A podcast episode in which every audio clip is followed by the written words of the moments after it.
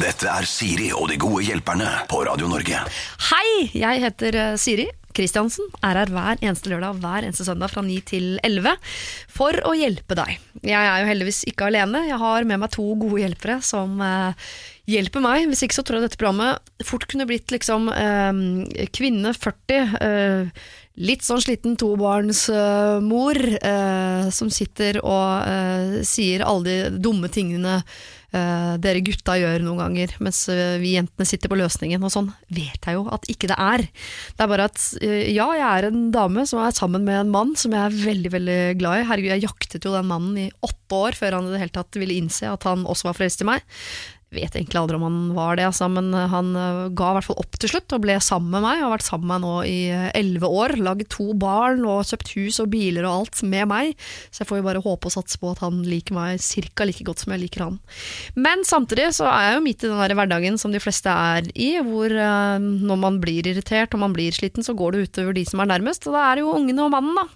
Så hvis jeg noen ganger gir inntrykk av at jeg sitter her som en sånn surmaga dame som syns at menn bare er uh, i veien, så vil jeg si at uh, det er feil. Hvis jeg kunne velge, så hadde jeg spist masse små menn med melk på, med skje hver eneste morgen til frokost. Jeg vet ikke om du har sett på Facebook-siden til Radio Norge, så la vi ut en video der jeg var litt irritert etter å ha kjørt ned fra fjellet forrige uke, fordi det er så typisk at mannen kjører bilen for å ta en for laget. Der han liksom kjører bilen og tar liksom den vanskeligste oppgaven, men den som egentlig er vanskelig, er å sitte i passasjersetet og drive og hente mat og drikke, uh, hente iPad, bytte uh, film, forklare at det er ikke internett i bilen, megle mellom de to som krangler i det hele tatt, at det er en vel så slitsom oppgave. og etter vi la ut den videoen, så er det mange som har kommentert at det er akkurat som i grilling! Da er det mannen som tar igjen for laget, som står der med øl i den ene hånda og grillspaden i den andre, mens vi beinflyr fram og tilbake og lager salater og dekker på i hele tatt. Det er helt riktig. Det er nok en gang et eksempel på at man føler at man tar igjen for laget. Men det er jo lurt, da. Jeg er egentlig ganske god på det sjøl, å finne oppgaver eh, som kan fra utsiden se litt vanskelig ut, men som inni mitt hode er dette er egentlig den enkleste oppgaven. Dette er noe jeg gjør, jeg later som jeg tar en for laget, men det jeg egentlig gjør, er at jeg bare valgt den oppgaven jeg liker aller, aller best. Så eh, ikke tro at jeg sitter her og bare liksom heier på kvinnene. Jeg heier på alle, jeg syns synd på alle. Så her er det rom for å dele hva enn det måtte være fra ditt liv. Eh, jeg er her som sagt hver lørdag og søndag, og jeg har nok etter hvert hørt det meste. Jeg har tenkt det meste og gjort ikke det meste, men ca. halvparten. Så jeg sier som jeg pleier å si, jeg er her, jeg blir her, og du skremmer ikke meg selv med dine mørkeste tanker. Antagelig har jeg tenkt dem allerede. Så send inn problemene dine til eh, meg og mine gode hjelpere. sirialfakrøllradionorge.no.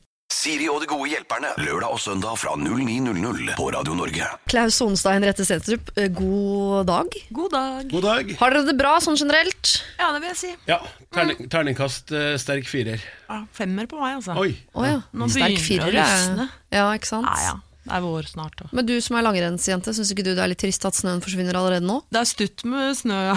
Jo, det syns jeg er trist. Ja. Men og skal det først være, så kan det like gjerne forsvinne, på en måte. Nå Ja. er vi i en mellomfase som er litt tung for langrennsglade. Ja, Kan jeg komme med et lite tips til den som eh, elsker å gå på ski og syns det begynner å våres for tidlig i Oslo? Flytt til Trondheim. Ja, der er det nok. Er det masse snø der? Det er mer snø her, og den ligger lenger. Ja. Eller flytt til Tromsø, eller eventuelt Finnmark.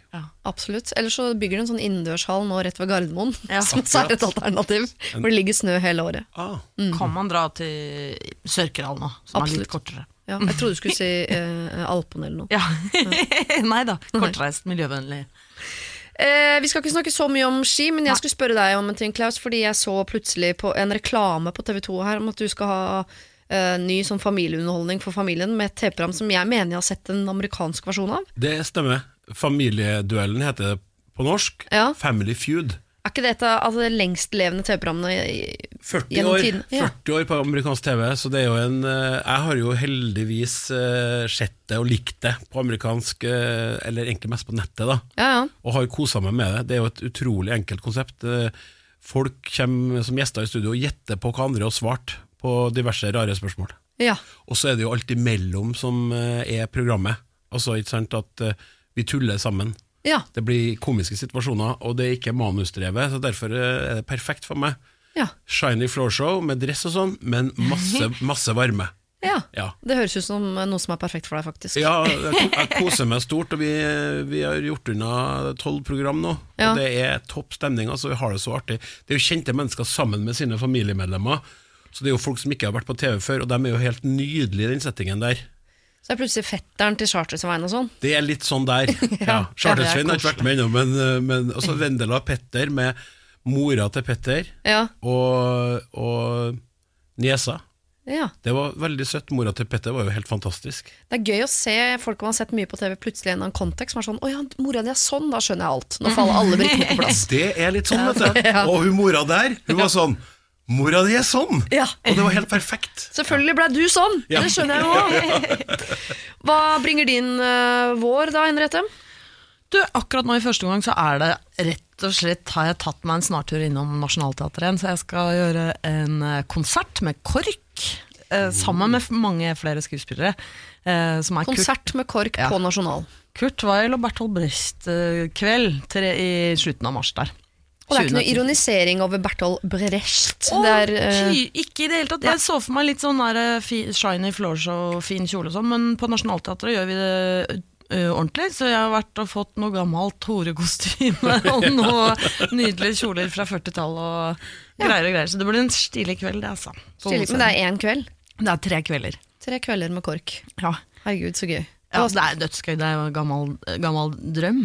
Det er jo, det er jo, med KORK. Ja, så er det ikke så mange. Det er noen av dere, liksom. Du og Linn Skåber og noen flere som både kan liksom gå sånn hardt over i humorbransjen, men samtidig gå helt motsatt vei, gå hardt over i den mer sånn seriøse bransjen. Ja, det er sant. Det er sant. Og så er Sven. Nordin. Sven Nordin Ja. ja. Han er jo han er kanskje Altså Der er jo ikke det Det er kult, syns jeg. Ja. At du har det spekteret, for det har du virkelig. Ja, takk. Jeg har alltid sagt at jeg vil bli den kvinnelige utgaven av Sven Nordin, som Ja, det både er kan være på potetgull og gjøre meg, ø, Hamsun. ja, ja. Og stå mye Jeg har ikke langrenn. fått noe potetgull ennå. Nei, men, det- men Heller ikke Hamsun, egentlig, men Jeg jobber med det. Men det er gøy at du sier at du er en kvinnelig versjon av Sven Nordin, for jeg har møtt Sven Nordin én gang, og da var han gjest hos meg i et radioprogram hvor han kom i skinnnikkers, skulle rett ut på ski etterpå. Så det- dere er ganske Ja, like, ja, nettopp, faktisk. ja. Langrennstype. Å, herlig. Han er min, u, min far i en parallell virkelighet. I dag skal dere få lov til å være både morsomme og alvorlige begge to. Eh, Det er eh, problemer som er av litt sånn eh, den lettere sorten, og så har vi uh, tunge problemer, litt sånn uh, hit og dit, både i dag og i morgen. Uh, så her er det lov å bruke den alvorlige siden sin og den morsomme siden. Til deg som sitter og tenker at åh, skulle sendt inn problem, så er det jo aldri for seint. Det er døgnåpent, og vi sender hver helg og i det hele tatt. Uh, så ikke legg bort tanken. Min mailadresse er sirialfakrøll, radionorge.no. Siri og de gode hjelperne. John Lennon dette her med sin uh, Imagine. Vanskelig å si noe negativt om den låta, men filmen Imagine, John Lennon, den, ikke finn på å ta med ungene på den. Det gjorde min mor for 150 år siden, og det er første og eneste gang jeg har sovnet på kino. Oi, Filmen Imagine, ikke vits å se hvis du er i puberteten. mottatt. mottatt. Takk for tipset. Hvis du har planlagt en helg nå med popkorn og Imagine med unga, så dropp det. Bare dropp det. Da går det ut. Dagens, eller helgens gode hjelpere er Klaus Onstad og Henriette Stensrup, og nå skal dere få lov til å hjelpe Liv Marit, eh, som er en ung dame som elsker sin kommende mann. Han jobber hardt og er en kjernekar, og til tross for sine gode kvaliteter og sitt uskyldige vesen, så finner jeg det vanskelig å håndtere hans dårlige hygiene. Når han er ferdig på jobb, er det ofte at han er for sliten til å gå i dusjen, eller i det minste vaske av seg anleggsstøvet fra hår, armer og kropp generelt. Ellers kan det gå noen dager uten en dusj, og dette etterlater seg spor i form av vond lukt, les rumpelukt, på møbler, klær og i hvert rom han har oppholdt seg i. Han sier han er sliten, og han blir noe skamfull når hygienen tas opp. Det gir meg derfor dårlig samvittighet. Men hva i hulse skal jeg gjøre, da? Jeg vasker huset konstant, og han klager på at jeg aldri hviler eller slapper av, men det får bli et annet problem. Liv Marit. Altså Det problemet vi skal ta tak i, er hvordan skal Liv Marit eh, få bort rumpelukta fra mannen sin? Oi, eh, hjelpe meg. Mm. der, eh, altså, nå, nå har jeg jo Jeg har jo hørt på det her programmet og vet at man skal dvele litt. Jeg har lyst til å bare kutte ut og si vask, vask deg i rumpa, Kis. Ikke Takk, dvele. neste, Ikke neste issue. Nei, men, men det, der, altså, det der er jo veldig vanskelig på et punkt, for at det er så Det er så et sårba- sårt tema. Nettopp. Det er akkurat det. Man har jo møtt folk som ikke lukter sånn supergodt. Mm. Uh, altså, det er jo noen som ikke har det, Men ok, for å se på det positivt, det kommer jo av anleggsarbeid. Det er Ja. ikke sånn at han i seg selv utsondrer odør som ikke er til å holde ut. Når han er nyvasket, så er han en eh, herlig type som hun elsker. Ja, men så jobber han hardt hele dagen og Ja. bringer med seg vond lukt hjem, som er et resultat av hardt arbeid. Ja. Ja. Ja. Jeg synes at Hvis det hadde vært sånn at han en gang iblant hadde vært sånn Du, jeg er så sliten, kan jeg bare få krasje i senga, og så tar jeg dusjen i morgen? Men når han liksom er litt sånn konsekvent på at han ikke orker, Ja. så føler jeg at det er litt sånn Det er litt dårlig gjort. Eh, og så skjønner jeg Kanskje hun ikke har vært tydelig nok, men for at akkurat det der med sånn Det der eh, det rumpeopplegget og sånn, Det er så gross, på en måte. Ja. Det er så lite tiltalende. Men Og det- lukt kan jo Det tar jo bort mange andre gode egenskaper. Eh, hvis du skjønner, altså hvis du etter hvert da, som kommende ektemann også Når det går, blir litt hverdag her, så, så kan jo det komme litt i veien for at han også er snill, kjærlig, oppmerksom og grei. Ja. Ja, det, men det er akkurat det. Sant? At, det at, at, at du på en måte Altså, jeg tror Det som jeg tror, da, det der er veldig vanskelig. Jeg har jo Jeg husker en gang Eller jeg, kan- jeg kan nesten ikke oute det, men jeg, jeg har hatt en sånn greie sjøl der, der jeg sa fra, men det ble ikke tatt til følge. Nei. Om noe som jeg syntes var, jeg det var litt ekkelt. Det ble en sånn diskusjon om det var noe issue. Det var ikke i nærheten av det her. Men jeg tror man må si fra. Ja. Altså Jeg tror at hun må si fra tydeligere, og så, kreve eh, dusjing. Men Fordi kan at- man kreve, for jeg skjønner at for Liv-Marit, eh, som er sånn type som vas Nå ser jeg for meg at hun vasker hele tiden, er veldig opptatt av hygiene. Blitt sammen med en fyr som ikke er så opptatt av hygiene. Eh, må han bli det bare fordi hun har problemer med rumpelukta, eller må, kan han si til Liv nå må du roe deg ned og lære deg å bli glad i også den delen av meg? Men fikk du med deg at hun hadde vaska fra før, eller har hun begynt å vaske veldig mye nå pga. at han sitter rundt omkring med Nei, det, det er ikke helt tydelig. Men Jeg hun er vasker jo huset konstant, han klager på at jeg aldri hviler eller Ja, men hun av. vasker huset konstant pga. at han driver og gnikker den skitne rumpa si rundt Men han omkring. sitter vel ikke Ja. naken i sofaen hele tiden? Nei, kanskje ikke. Kommer da hjem, setter seg naken i skinnsofaen, nekter å dusje. Det er som å ha et stort barn. Men, og hun har, men hun har jo sagt fra òg. Ja, ja, ja. Men det, der har jo ikke vi noe kunnskap om hvordan, eller om det kommer som passiv-aggressivt eller sint, eller hva det gjør. Mm. Men jeg tror jo dette er liksom grunnleggende Det er jo blitt sendt i et radioprogram, dette problemet, så jeg tenker at øh, Kanskje man må gå inn litt sånn tung, tungt inn med en flaske vin og si 'jeg kan gå i dusjen med deg'. Det vil bli benefits Ja. eh, Ja, den var etter fin. arbeid. Den var veldig fin. Men jeg trenger, for å liksom eh, beholde respekt for deg, at du her ikke tenker at det, nå er vi på guttetur på niende uka. Det er jo liksom farlig tidspunkt å anbefale at vi kvinner skal lokke med sex for å få menn til å gjøre ting, men jeg skjønner, man, man må få han til å forbinde det å dusje med noe positivt. At han, hvis han har veldig god erfaring med å dusje en fire-fem ganger, så kanskje han på sikt blir glad i det. Litt sånn som det er med hunder, liksom. Altså, akkurat, ellers så kan man jo gjøre den andre vrien som jeg tror også kan funke veldig bra. Og det at han begynner å si sånn Du, i det siste så har vi hatt Vi har jo ikke hatt noe sex. Nei. -hmm. Nei. Er det noe Ja, det er det. Hva er det? Tenk sjøl. Eh, ah. Ja, jeg, nå klarer jeg ikke å se fjeset ditt uten å tenke rumpelukt. Mm. Jeg forbinder fjeset ditt med rumpelukt. Men faren min, han er jo Eller nå er han pensjonert, men han er jo, um, var jo lærer på Ja. ungdomsskolen. Og han har jo snakket om det, faktisk. At i løpet av de årene han har vært lærer, så har hygienen blant særlig gutter blitt dårligere.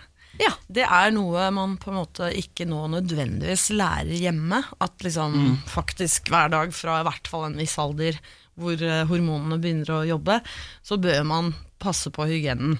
Eh, så han har hatt mye kursus der. Ja. Jeg går fortsatt og venter på at min sønn skal øh, selv bli opptatt av det, for man blir så lei av å mase på ungene om at det er lurt å dusje osv. Så, videre. så jeg skjønner hvordan Liv-Marit øh, har det. Jeg er jo heldigvis en mann som dusjer én til to ganger om dagen, der jeg selv sluntrer ganske hardt unna. Jeg venter gjerne to-tre dager mellom hver gang, for å være helt ærlig. Så jeg er på din manns parti her. Eh, Men jeg skjønner at hvis jeg hadde gått rundt og lukta rumpe, at mannen min syntes jeg var uattraktiv og sånn, så hadde jeg kanskje tatt meg sammen. Så Liv-Marit, eh, vi vet ikke hvordan du har sagt det, og er passiv-aggressiv eller hva, men du må si fra flere ganger, og selv om det er kleint for han, så er det jo fordi han veit at du har rett. Så du må si det flere ganger, eller så må du eh, på en måte vise han at det kan komme noen benefits ved å nettopp ta seg en dusj. Og så er det en Eller gå hardt, ja, vanesak, ja, eller gå hardt inn i det Klaus anbefaler, nemlig en klassisk sexnekt. Siri og de gode hjelperne. Send oss en e-post på siri at radionorge.no. og vi skal hjelpe en som heter Ella. Jeg er en ung og konfliktsky kvinne i begynnelsen av 20-årene fra Oslo. Nå står jeg overfor et karrieremessig dilemma som har resultert i en stor eh, personlig krise. Jeg er nyutdannet og har jobbet i et kreativt eh, byrå i to år. Jeg fikk nylig en jobb som vikar fram til høsten hos et kreativt byrå, eh, der de er veldig dyktige. Men til høsten så planlegger jeg å flytte sammen med kjæresten min til en europeisk storby, eh, hvor det er mange spennende og nye jobbtilbud. Så det passer veldig bra med dette vikariatet. Problemet er at det viser seg at jeg misliker denne jobben min, sånn typ veldig mye. Og å mislike jobben min er ganske nytt for meg, og nå tar jeg meg selv i å ta korte pauser for å gjemme meg på do og enten spille sudoku eller bare reflekterer over livet. Ja, jeg gjemmer meg faktisk på do i skrivende sekund. Kollegaen min tror sikkert at jeg har helseplager. Arbeidsplassen min eh, ser bra ut på CV-en, men jeg klarer ikke Og jeg, jo, jeg kan klare å holde ut fram til høsten. Men så ble jeg nettopp tilbudt drømmejobben, og det er en fast stilling i Oslo. Noe som jo ikke passer i forhold til planene jeg har om å rømme landet. I en perfekt verden hadde denne jobben vært i den byen jeg skal flytte til. Så hva skal jeg gjøre da? Er jeg verdens verste ansatt, person, individ, menneske dersom jeg nå leverer oppsigelse i denne jobben som jeg misliker, for å takke ja til en annen drømmejobb som jeg trolig skal forlate allerede til høsten? Hilsen småstressa og drittlei Ella. Oi, altså eh, Snakk om et menneske som er på et sted, vurderer å gå til et annet sted, som kommer til å, å kutte båndene til ganske kjapt. Ja. Hjelp. Altså, Det er liksom å være i et dårlig forhold, vurdere å ligge med en veldig eh, flott mann bare for å, å vite at eh, hun ikke skal bli for, hva jeg mener? for etterpå så skal du til drømmemannen. Ja.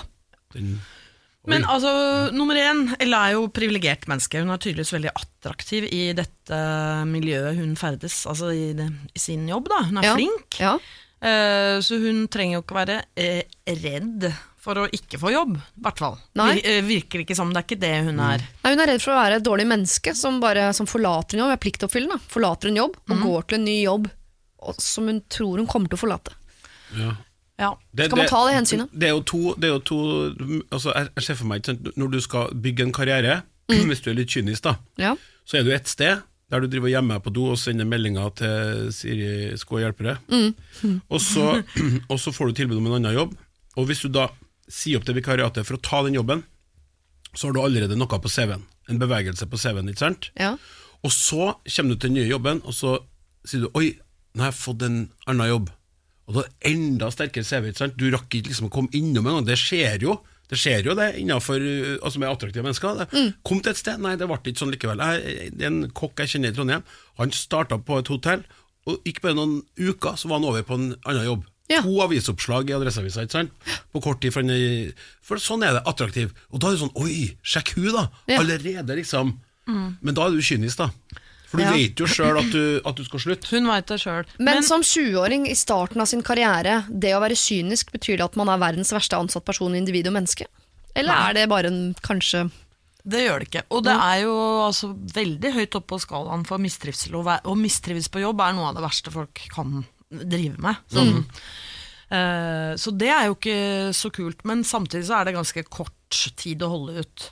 Men eh, er det et alternativ å si til den nye arbeidsgiver at jeg har veldig lyst på denne jobben, eh, men jeg skal være ærlig og si at jeg planlegger et opphold i Berlin, eller hvor det nå er, eh, med kjæresten min neste år. Kan vi gjøre det slik at det er greit? Kan jeg liksom jobbe derfra-aktig? enten jobbe derfra eller ha et års permisjon? Men var det ikke sånn at det, det mennesket her liksom ville ut Ville ikke, ville ikke ut for alltid, eller var det bare en periode? Jeg tror det er en periode. Jeg skulle i hvert fall se etter nye, spennende jobbmuligheter, så det er jo for en lengre periode i så fall. Da. Ja, ja. Ja. Ja, for jeg synes det, Ellers så var det forslaget ditt veldig bra, for da kan du få det beste av alt. Da Ja. liksom er du et sted, jo, jo, jo, men du skal utvikle deg. Vi har veldig trua på deg, du kan reise, men hvis du er sånn, ja, men hvor lenge skal du bli? Nei, kanskje resten av livet, faktisk. Ja. Da er det litt sånn med litt verre. For jeg er ikke så bekymra for arbeidsplassen. Den du er på nå, der må du si opp og gå, til, gå videre, på en måte. Ja, uh, det syns jeg er greit. Uh, folk bytter jobb hele tiden. Du skal check. ikke synes synd på sjefen. Nei. Det som synd på, er kanskje denne kjæresten som sitter og gleder seg til å flytte til Roma eller Paris eller London, eller hvor det er, og så er det litt sånn i siste time sånn «Øh, jeg blir her på Økeren, for jeg syns den jobben er så kul. Men vi kan skype og sånn. Ja, Men det virker som det er det hun har tenkt. da Hun har egentlig tenkt å si ja til den nye jobben, og så si eh, et par uker før de drar Nå Nå drar jeg. stikker jeg. Ja. Ja. Så jeg føler ærlighet kanskje er litt lurt i forhold til arbeidsgivere. da Ja. Eh, Ja, det er- altså, selvfølgelig, selvfølgelig i forhold til ryktet du også kan få. Ja. Hvis de men jeg ville ha, jeg ville ha sagt bare altså Hvis jeg skulle ha gjort det og tatt den jobben for å få det på CV-en, så ville jeg sagt at jeg har fått et nytt tilbud som var bedre, så jeg velger å si opp. Ja. Det ville jeg gjort. Ja. Da ville jeg gjort det. Men jeg tror ikke at jeg hadde noe bra med meg sjøl. Jeg kjenner at jeg hadde ville slitt med den perioden der jeg har vært i den nye jobben. For det, er en høy gamble hvis noen fersker, men du, du hadde jo ikke noe jobb. Jeg snakka med noen som kjenner deg, de sa at du og kjæresten bare var ute i utlandet og jakta. Altså Skjønner du det? Du kan bli tatt på det. Ja. Og da er det litt uh, skummelt igjen. Jeg ville, uh, Nå får du bare plukke, eh, klippe og lime sammen det du ønsker å velge av disse rådene du får av Klaus Henriette og meg, men eh, jeg ville da ha sagt opp der jeg var nå, gått til drømmejobben, for hvis den er så fantastisk, så kommer du ikke til å klare å forlate den. Og så ville jeg spilt med eh, helt åpne kort overfor kjæresten. Jeg har lyst til å flytte sammen med deg til utlandet, men eh, vi må prøve den jobben her først. Kanskje vi må utsette det et år eller et halvt år til et eller annet. Jeg ville ikke spilt med helt åpne kort på jobben. Jeg ville bare sagt eh, den dagen dere plutselig bestemmer dere for å dra utenlands, sagt sånn Jeg har fått en kjempemulighet som jeg ikke kan si nei til. Mannen min flytter, jeg blir med. Eh, jobber gjerne for dere derfra hvis det går. Går ikke det, så, så skjønner jeg det. Da må du nesten si meg opp. aktig. Ja. Ja. Så vær grei med kjæresten, men vær grei med deg sjøl. Ikke vær så grei med sjefen, tror jeg kanskje jeg ville landa på. Okay. Siri og de gode hjelperne. Radio Norge. Du hører på Siri og de gode hjelperne her på Radio Norge. Jeg har gitt eh, helgens eh, gode hjelpere, altså Klaus og Henriette, en liten pustepause for at eh, jeg skal få lov til å oppdatere deg på hvordan det går med Thomas. Jeg vet ikke om du husker Thomas, han hadde et problem her hos meg forrige helg. Og Thomas sitt problem handler om å ha telefonangst. Om det er en definisjon som faktisk fins, det er jeg usikker på, men jeg vet at det er mange som sliter med å eh, snakke i telefonen, og jeg gjør det selv. Jeg er ikke så glad i å Jeg kan sende SMS-er og alt mulig sånn, men å snakke i telefonen syns jeg ofte kan være litt kleint. For min del handler det om at jeg føler at jeg mister meg selv litt, fordi jeg bruker mye armer og bein og fjes når jeg prater, og det forsvinner liksom på, på telefonen. Jeg føler ikke at jeg kan være meg sjøl. Jeg syns alt sånn dynamikk og rytme og altså det bare forsvinner. Jeg syns alt blir så stakkato og rart med en gang man er på telefonen. Thomas også syntes det var vanskelig, og han faktisk var sånn som kunne grue seg i ukevis og nærmest droppe det hvis det handla om at han måtte ta en telefon til øh, altså, lege, bank, huseier osv. Han kunne ukes, øh, grue seg altså ukevis. Og han lurte på om det var øh, noe han kunne gjøre for å bedre denne situasjonen noe. Forrige helg så var det da altså Espen Lind og Ingebjørg Bratland som var mine gode hjelpere, og du skal få høre noe av det de mente at kunne hjelpe.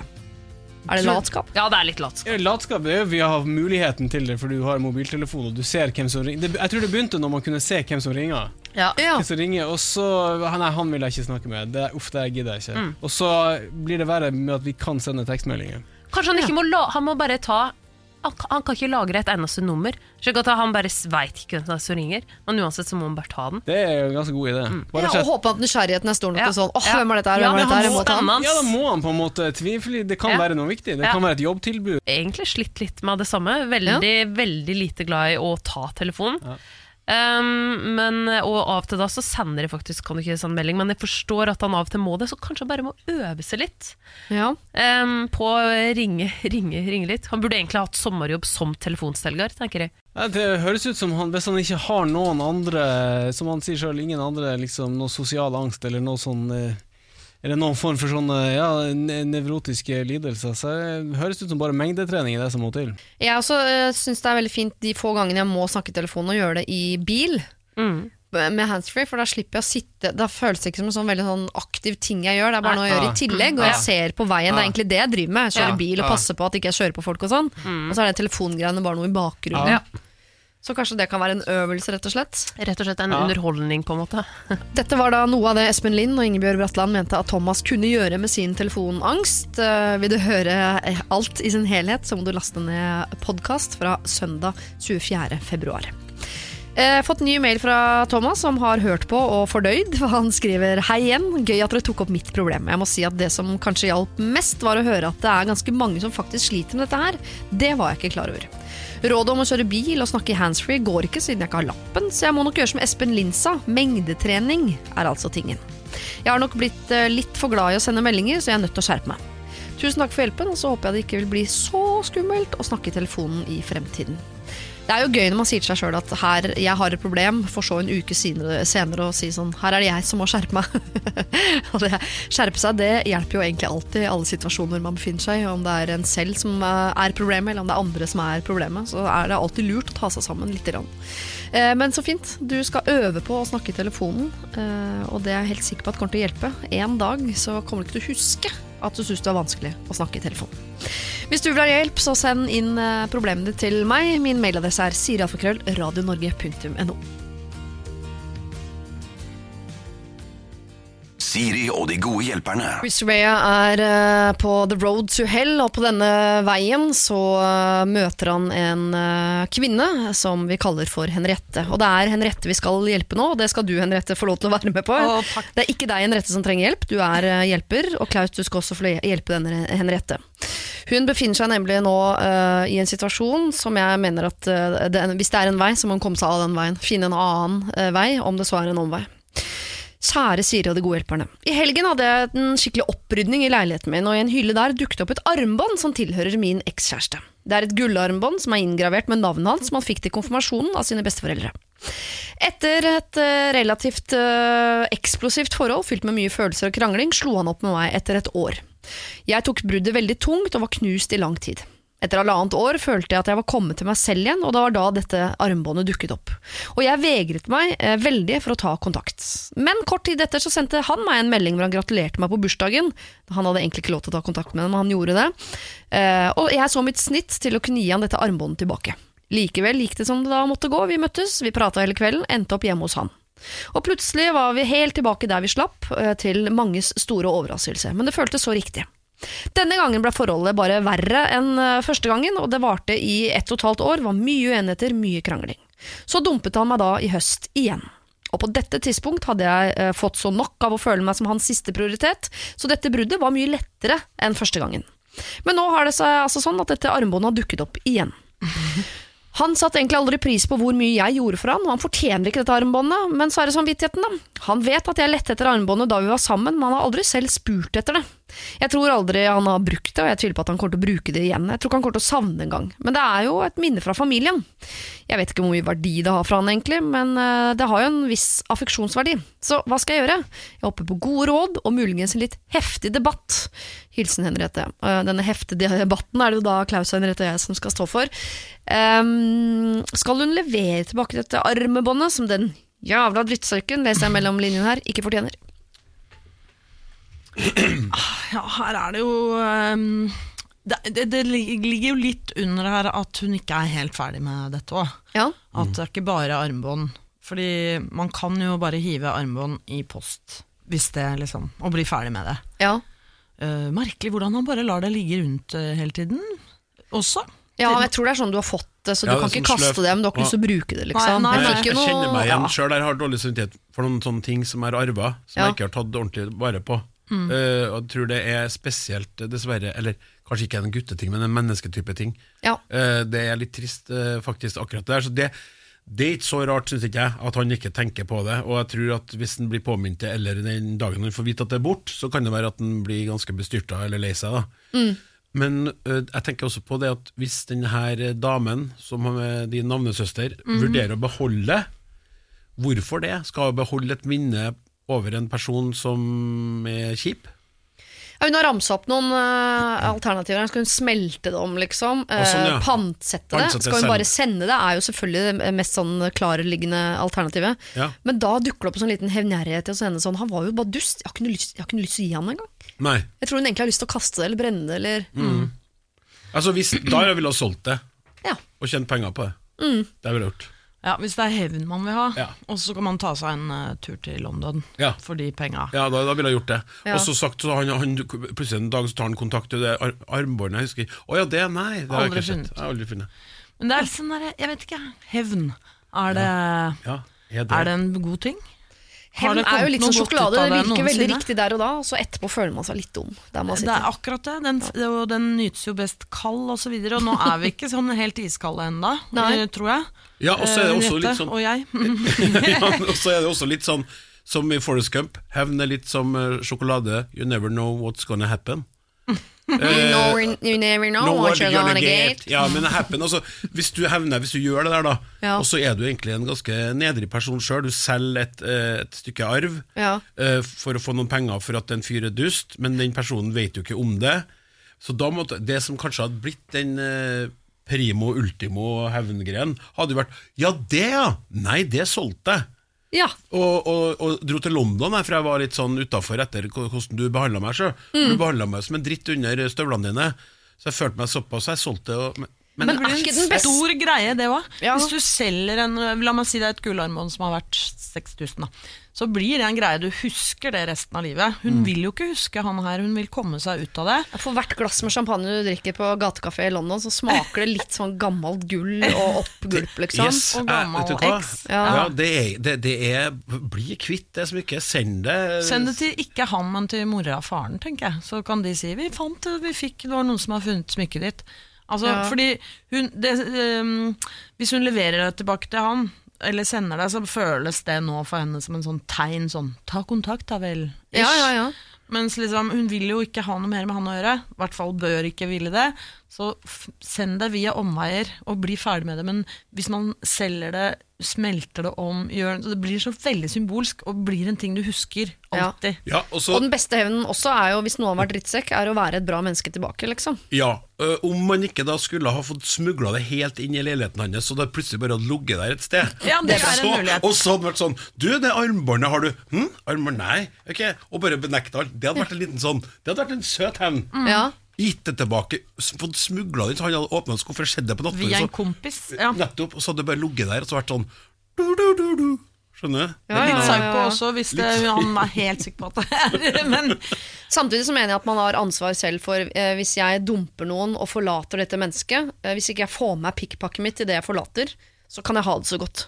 Jeg mener, jeg bare, Ja, sånn, ja. ja, Mm. jeg, Nå har jeg aldri opplevd det. Jeg har bare vært hun nye som flytter inn og funnet gammelt rask etter gamle ekser. Jeg bare kasta.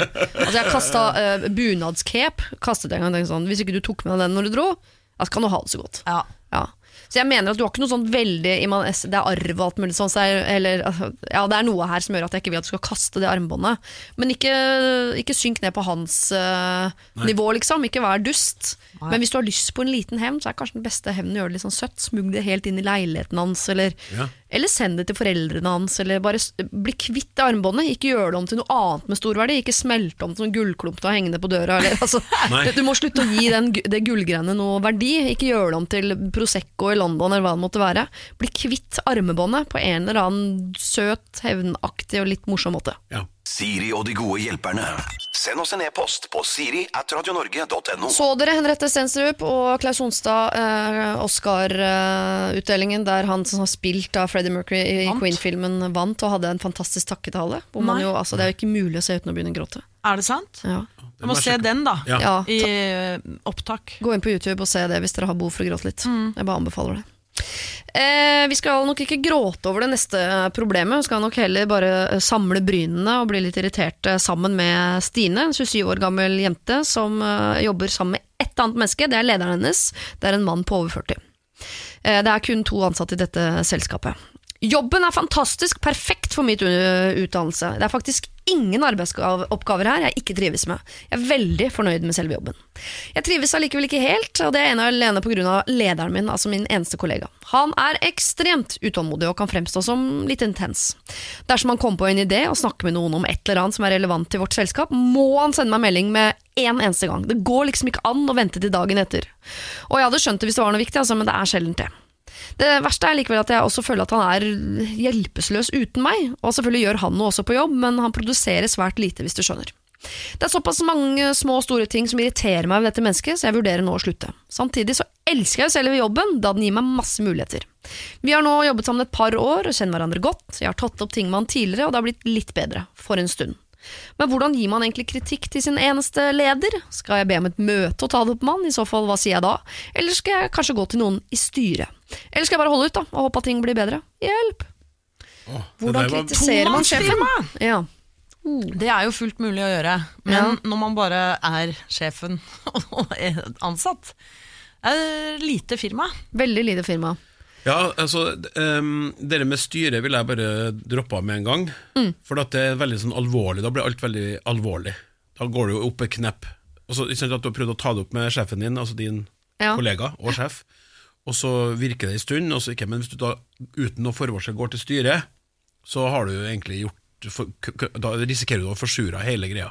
Og det der er en sånn rar eh, omvei eller snarvei som konfliktsky ofte gjør, for de Ja. tror at da har jeg sluppet unna konflikten, men Ja. den kommer jo backfiring, eh, for det er ikke sånn at da lar vi det bare ligge. Nei, og jeg, jeg må bare si at eh, for min egen del så hadde jeg villet reagert veldig voldsomt på det, Ja. men ikke så voldsomt på at den personen hadde tatt det opp med meg. Skjønner du hva jeg mener? Ja, ja, ja, ja. og så, ja, beklager, jeg vet.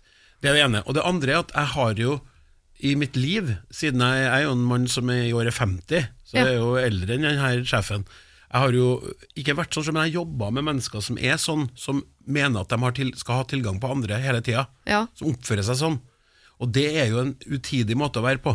Sant? At de mener at hvis jeg kommer på en god idé klokka ett om natta, så skal jeg kunne sende den av gårde til Ja. min kollega.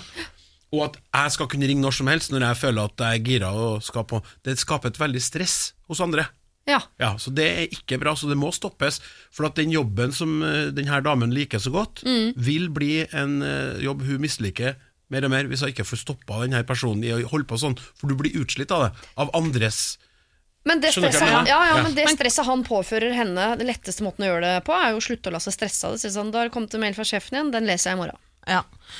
Ja. Det er, det er, for du kan jo gjøre mye med deg sjøl, men ikke så mye med andre. Men det er en ting i dette problemet som vi må adressere, og det er at de er bare to. Ja, ja, ja. For eksempel, hvis du er, det er ikke noe avlastende, og det blir også kanskje litt sånn fly... Det blir litt som når jeg og Jon Brungot lager show, da. Ja. Vi er bare to, og vi ringer hverandre hele tiden. Og man føler ikke at én er sjef, eller den andre ikke er der. Kan hende at han, hvis man skal se med han med litt positive øyne, for det kan hende at vår venn som har skrevet At de har ganske forskjellige personlighetstyper. Ja, ja. ja. At han er glad i, han er utålmodig, han skal, det skal progressivt, det skal skje ting. Hun liker å ha litt sånn mer ordnede eh, forhold og relasjoner. At du er sjefen min, og jeg Han ser kanskje på henne mer som en likeverdig, fordi ja, du skal også være med i denne beslutningsprosessen, eller whatever. Ja. Som jo er en positiv ting, egentlig.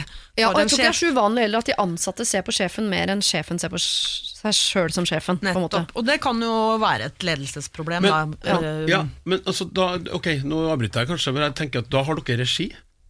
Du og Jon har jo regi, noen som har, gir Ja, dere vi, regi. ja, ja, det har vi, så det blir en eh, avlastning Ja, det for jeg oss. tenker, det er jo ja, ja, for som viktig. tar uh, liksom sjefsavgjørelsene. Ja, nettopp. Men uh, det jeg tenkte på var kanskje liksom øhm, at disse kunne hatt nytte av. Jeg har jo en kjæreste som driver med ledelsesutvikling. Kanskje de skal ringe han?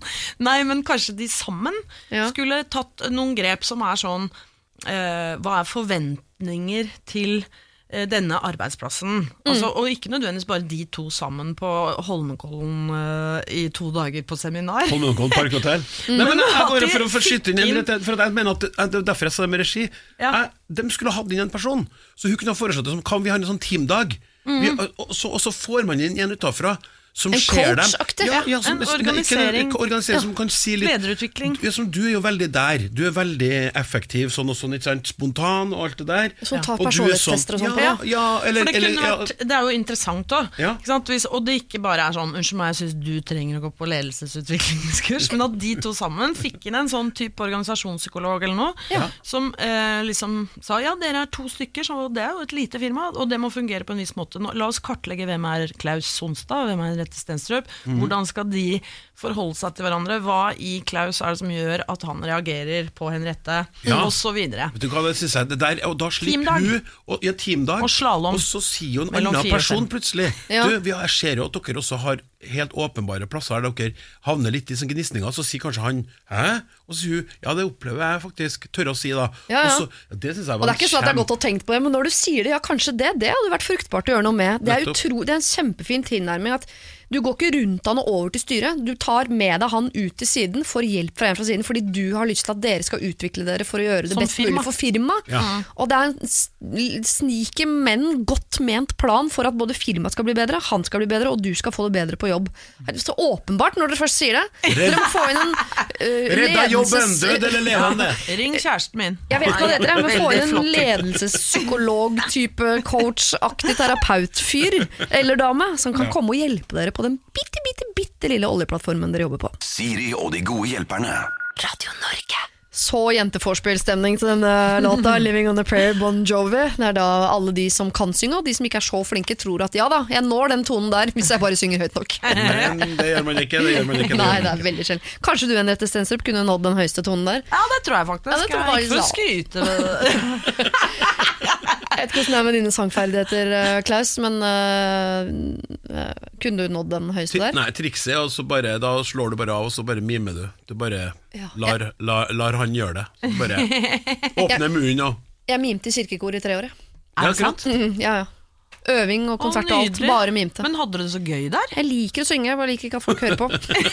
Så du likte samholdet i koret? Jeg likte sangene og jeg likte å synge. om oh, det. Ja. Så jeg kan masse sanger nå, Dream to Dream og sånn, som jeg lærte der, men jeg sang den aldri sammen med de andre. Weird. That's so weird. Det er litt rart. Ja, det det. Ok, det, vi skal til uh, siste problem uh, i dag, lørdag, som kommer fra en fortvilt og forvirret Emma. Jeg er en kvinne på 35 år, kall meg Emma. Jeg har samboer, kall han Lars, og vi har to barn. Vi har vært sammen i 11 år. Problem 1, hun har to problemer, jeg mener det er sammensatt.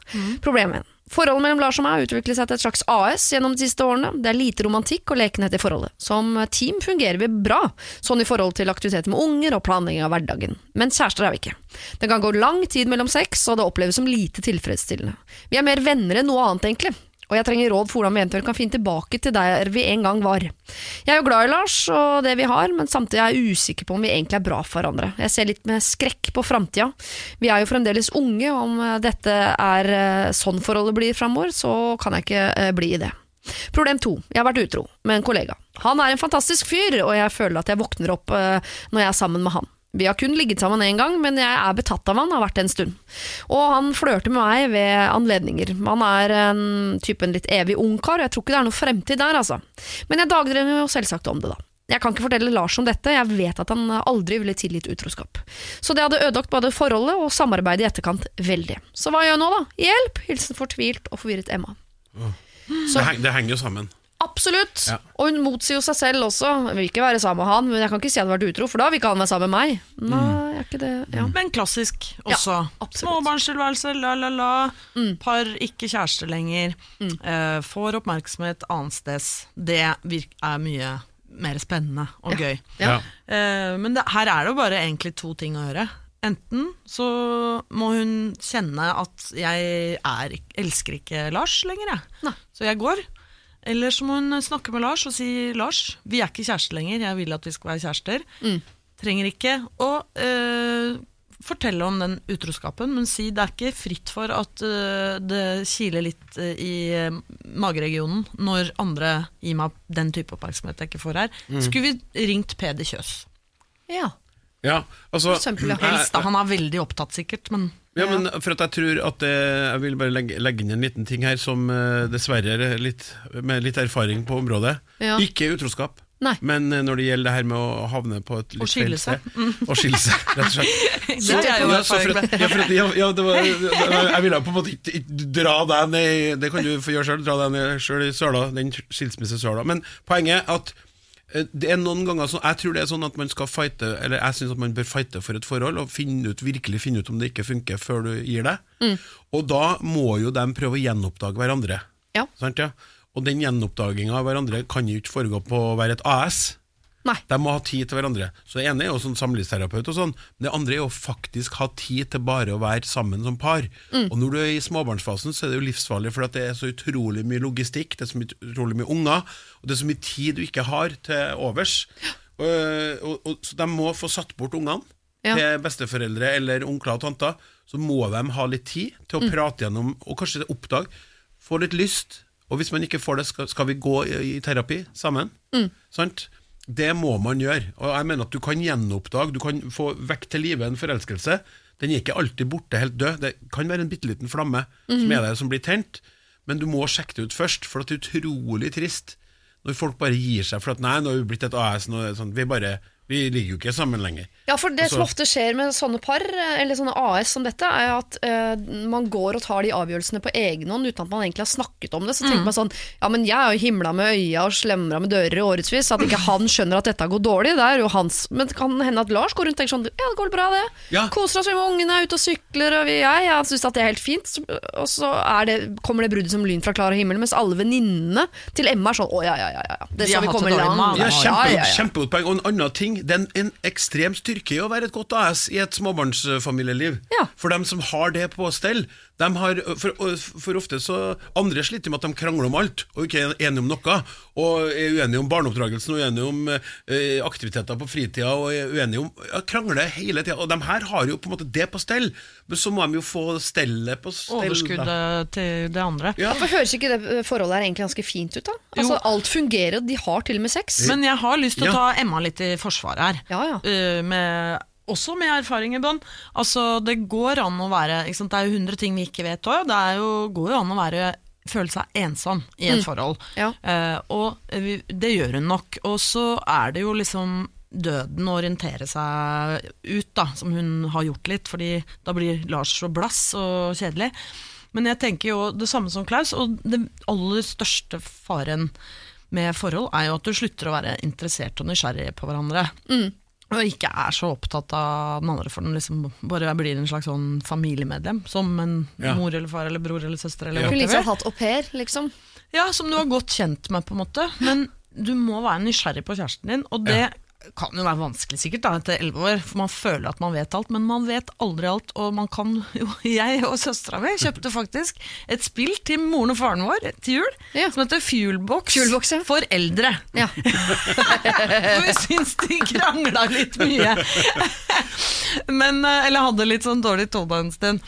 Kjøp en Eh, fuelbox. kjøp en fuelbox, sett dere ned, ha, som du sier, eh, tid. Og du har vel en gang, kveld i uka hvor dere sitter og har et eller annet biff og bearnés, eller eh, Vi prøver å ha en gang i måneden. Ja, ikke sant? Ja. Okay. Jeg, jeg tenker en gang i uka er lurt, da. Ja. Kan jeg, kan jeg skynde meg å skyte inn en ting til òg? Ja. Det her er jo sånn som egentlig blir et nytt tema, men det, er- det er bare min mening. Hvis det, det her utroskapen har vært én gang Slutt med det. ja, ja, Jo, men ikke si det heller. For det, for det, ikke si det. For Hvis det ikke var noe mer, og hvis du velger å gå for uh, din kjære, og dere fortsetter livet, ikke si det. Og ikke flørt med han fyren. Nei, ikke flørt med han fyren. og sånt som det der. Men er det den ene gangen, så ikke lette din samvittighet ved å, ved å legge det på mannen din, for det kan ødelegge alt. Og ikke sammenlign Lars med denne fyren på jobb, Fordi Nei. Lars vil aldri bli like spennende som han fyren på jobb. For han fyren på jobb vet du ingenting om. Lars vet du alt om, så du fyren på jobb ikke eh, kan jo ingenting om unger og logistikk, og kan Trenger ikke ikke. kjøre det AS-et, Nei. familien nei, nei. Det er urettferdig lag. Emma, vi synes det er nok i- Det høres ut som det er nok i dette forholdet du er i, til at dere burde jobbe litt med det. Men nå er det som en rett også sier, at det er mye der vi ikke vet. Så hvis du går og føler deg ensom, og sånn, så er ikke det, det er ikke bra. Sånn skal man ikke ha det. Men se om dere kan finne ut av det sammen på en eller annen måte først. Og er det ikke liv laga, er AS-et på en måte dødt, er det ikke noe kjæreste her, og dere er enige om at vi to, vi får det ikke til, ja, da må du gå ut. Men jeg syns ikke du skal gå ut for å gå over til denne kollegaen. Det får være noe eventuelt bonus i andre enden. Så eh, på hvert fall svar på problem én. Eh, dere må finne tilbake til det dere en gang hadde. Ikke sånn som det var helt i begynnelsen, det klarer man ikke. Men se om det er en liten flamme der som kan blåse opp til noe mer enn bare en gnist. Og ikke svar på flørt fra kollega. Ikke gjør det. Siri og de gode hjelperne. Dere er eh, mine gode hjelpere hele helgen. Klaus Onstad og Henriette Stenstrup. Eh, Vi hadde to timer sammen i går lørdag. Vi hjalp en del folk, og har en ny bunke i dag med folk som trenger hjelp. Mm. Men før vi skal hive oss over ekte problemer, så har jeg lagd et problem bare for å gjøre verden litt vanskeligere enn den allerede er, eh, som kun dere to må forholde dere til. Dere må ta et valg eh, for fremtiden. Tilbringe resten av livet uten kjæreste, eller resten av livet uten jobb. Men den kjæresten jeg har nå, resten av livet uten jobb, tusen hjertelig takk, ikke noe problem. Ja, men da mener jeg sånn, ikke noe annen jobb, eller da må du bare leve på øh, stønad. Ja, det er greit. Det er greit, ja. Ja. Hva skulle du fylt dagene med? Nei, da blir det noe saftpressing i hagen og stulling og noe stell og noe 50-talls liv og noen skiturer og sånn, da. Ja, og du tenker at du kunne trives med det? Ja, det tror jeg. Er, det ikke lov, er det ikke lov å skrive engang? For, um, Ikke, du får ikke å få tjene penger for det? På. Nei.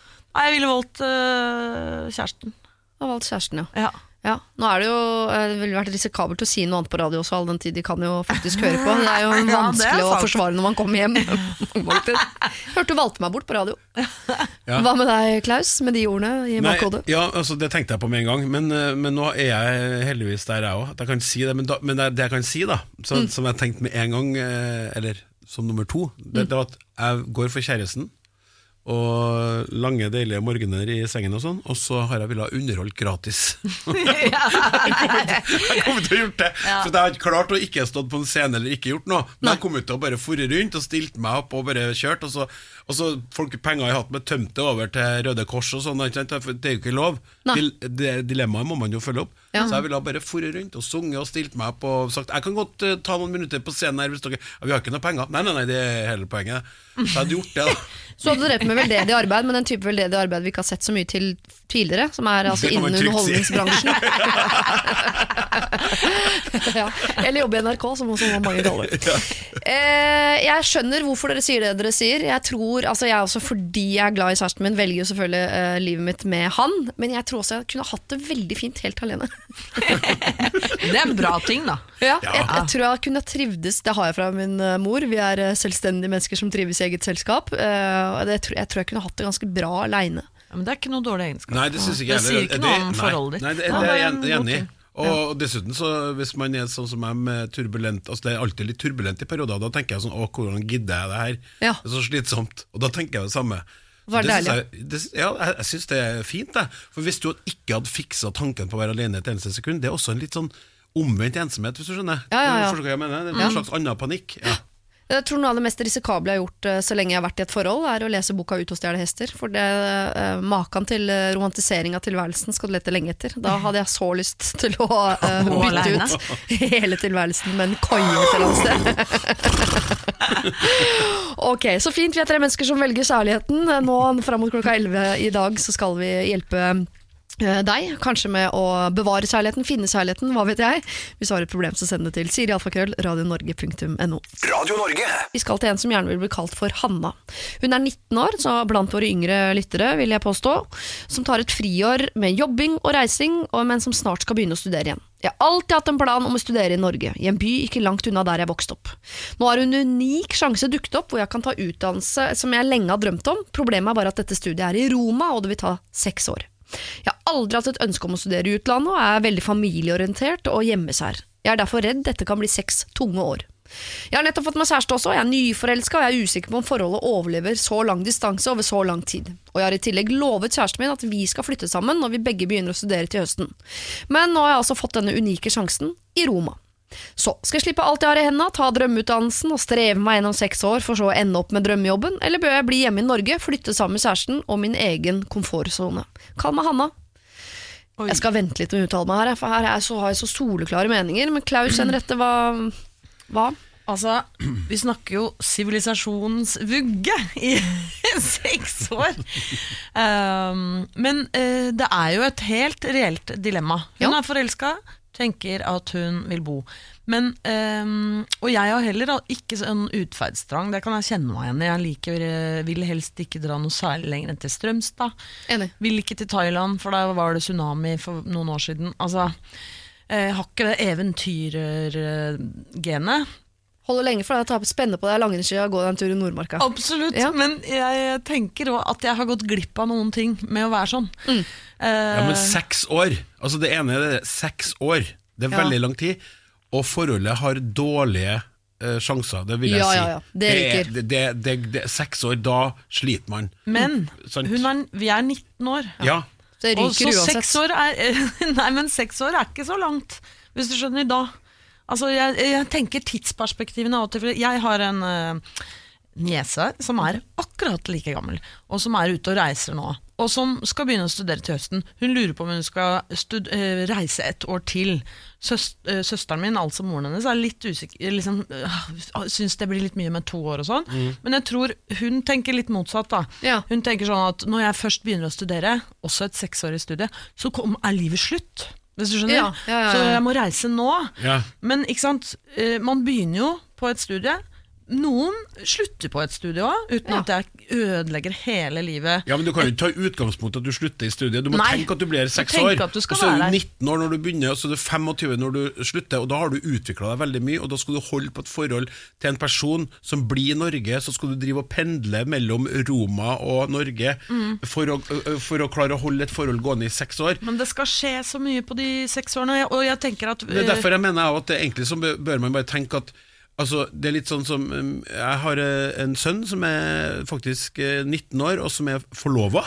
Ja, Han har valgt, eh, valgt eh, kvinnen i sitt liv, og han har liksom skjønt at, at jeg må være i nærhet, vi må være i nærheten av hverandre. Så han sa du kan bestemme hvor, hvor vi skal gjøre av oss i Norges land, liksom, vi skal studere og sånn, men jeg, og jeg blir med innenfor rimelighetens grenser. Men han, han tenker sånn vi, må være, vi må være på samme sted. Ja. Det tror jeg vil gi oss bedre odds. Absolutt. hadde, hadde vært, ja. ja, men hadde det vært tre år, men seks år det er, Ja. så, det er så utrolig endrende sånn i forhold til forholdet. Da må du heller tenke sånn vi, vi kan prøve, men hvis jeg går for å utdanne meg og bli det jeg vil bli i livet, så sannsynligheten er ikke stor for at vi klarer det, men vi kan prøve. Men, Men da må mener du gå at for utdanninga. jente 19 her skal velge den eh, kjærligheten framfor uh, utdannelsen? Nei, jeg, jeg mener at den, den jente 19 skal tenke veldig nøye gjennom hva som kjennes ut som det riktige. Og jeg skjønner Henriette har vel, er det med å søke ut i livet og tenke på at man er så ung, Ja. og at kjærligheten uansett kanskje vil ha dårlig kår til å overleve. Oddsen er jo ikke så god når du er 19, men man må kjenne på hva som er viktigst. For du snakker om at det er en fantastisk utdanning, men Ja. har samtidig ikke lyst til å reise, og ikke lyst til å reise fra kjæresten. Så skjønner du hva jeg mener? Jo, men klarer man å ta, ha et fornuftig valg for seg selv når man er nyforelsket? Når man er nyforelsket, tar man jo bare dårlige valg. Ja. Det er et veldig viktig poeng. Da Også- velger man jo Jeg vil bare ligge uh, naken fra livet og ned i en dobbeltseng i de neste åtte månedene. Det er utrolig lite bra. Men det er et eh, litt sånn viktig punkt i brevet. Hvor, hvor står vi har, vi har lovt hverandre at vi skal bo sammen. Ja. Jeg tenker at Når man er 19 år, så skal man liksom også da i et forhold love hverandre visse ting. Men det er kjempeviktig at man også lover hverandre at jeg skal ikke være til hinder for deg og din utvikling gjennom de Hvis vi skal være sammen resten av livet, så må vi gjøre dette sammen, liksom. Er det rom for å prate gjennom dette med kjæresten, f.eks.? Sånn ok, jeg er to år i Roma, du, han har kanskje muligheter til å ta et år der, han også. Eh, og så ser vi liksom om jeg, man kan eh, Altså at man rocker Og man er jo hjemme i alle ferier, det er jo tross alt Europa. Vi snakker Ja, ja, ikke ja, liksom Los Angeles. Jeg tenker Det er ikke håpløst å holde et forhold der Neida. ikke Og- og- Det det er jeg enig i, og så tenker jeg også at, klart at det er litt sånn Vi som er eldre, vet jo at, at et forhold må kunne strekkes og tøyes og vries og vrenges for å vise seg å være levedyktig. Og det er klart at hvis du bare blir hjem, og du velger det studiet som er enklest å velge i forhold til der dere folk i leilighet, og alt blir minste motstandsvei, så får du kanskje ikke testa forholdet som du trenger heller. Sånn at alt er greit helt til det oppstår et, et dilemma senere, skjønner du.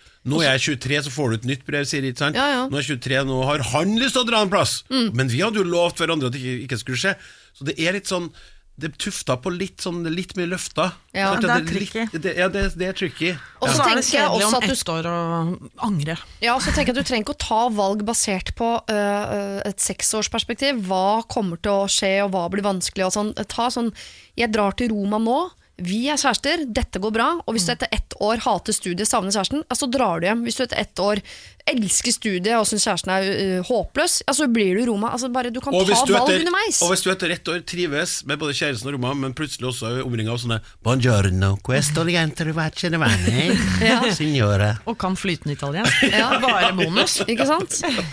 Så øh, Jeg er som deg, Henriette, ikke så veldig opptatt av å øh, røske opp med rota og reise noe annet sted, men jeg tenker at det er drømmestudie. Det høres ut som noe du skal prøve. Og det er er det. Det feil, drømmeby. liksom? Ja, det er en fantastisk by. Ja, fantastisk Å få besøk av kjæresten sin i Roma, herregud, det høres helt fantastisk ut. Og er det ikke fantastisk, så er det lov å snu. Altså, Det går fly også hjem fra Roma, sikkert fire ganger om dagen, kanskje sju.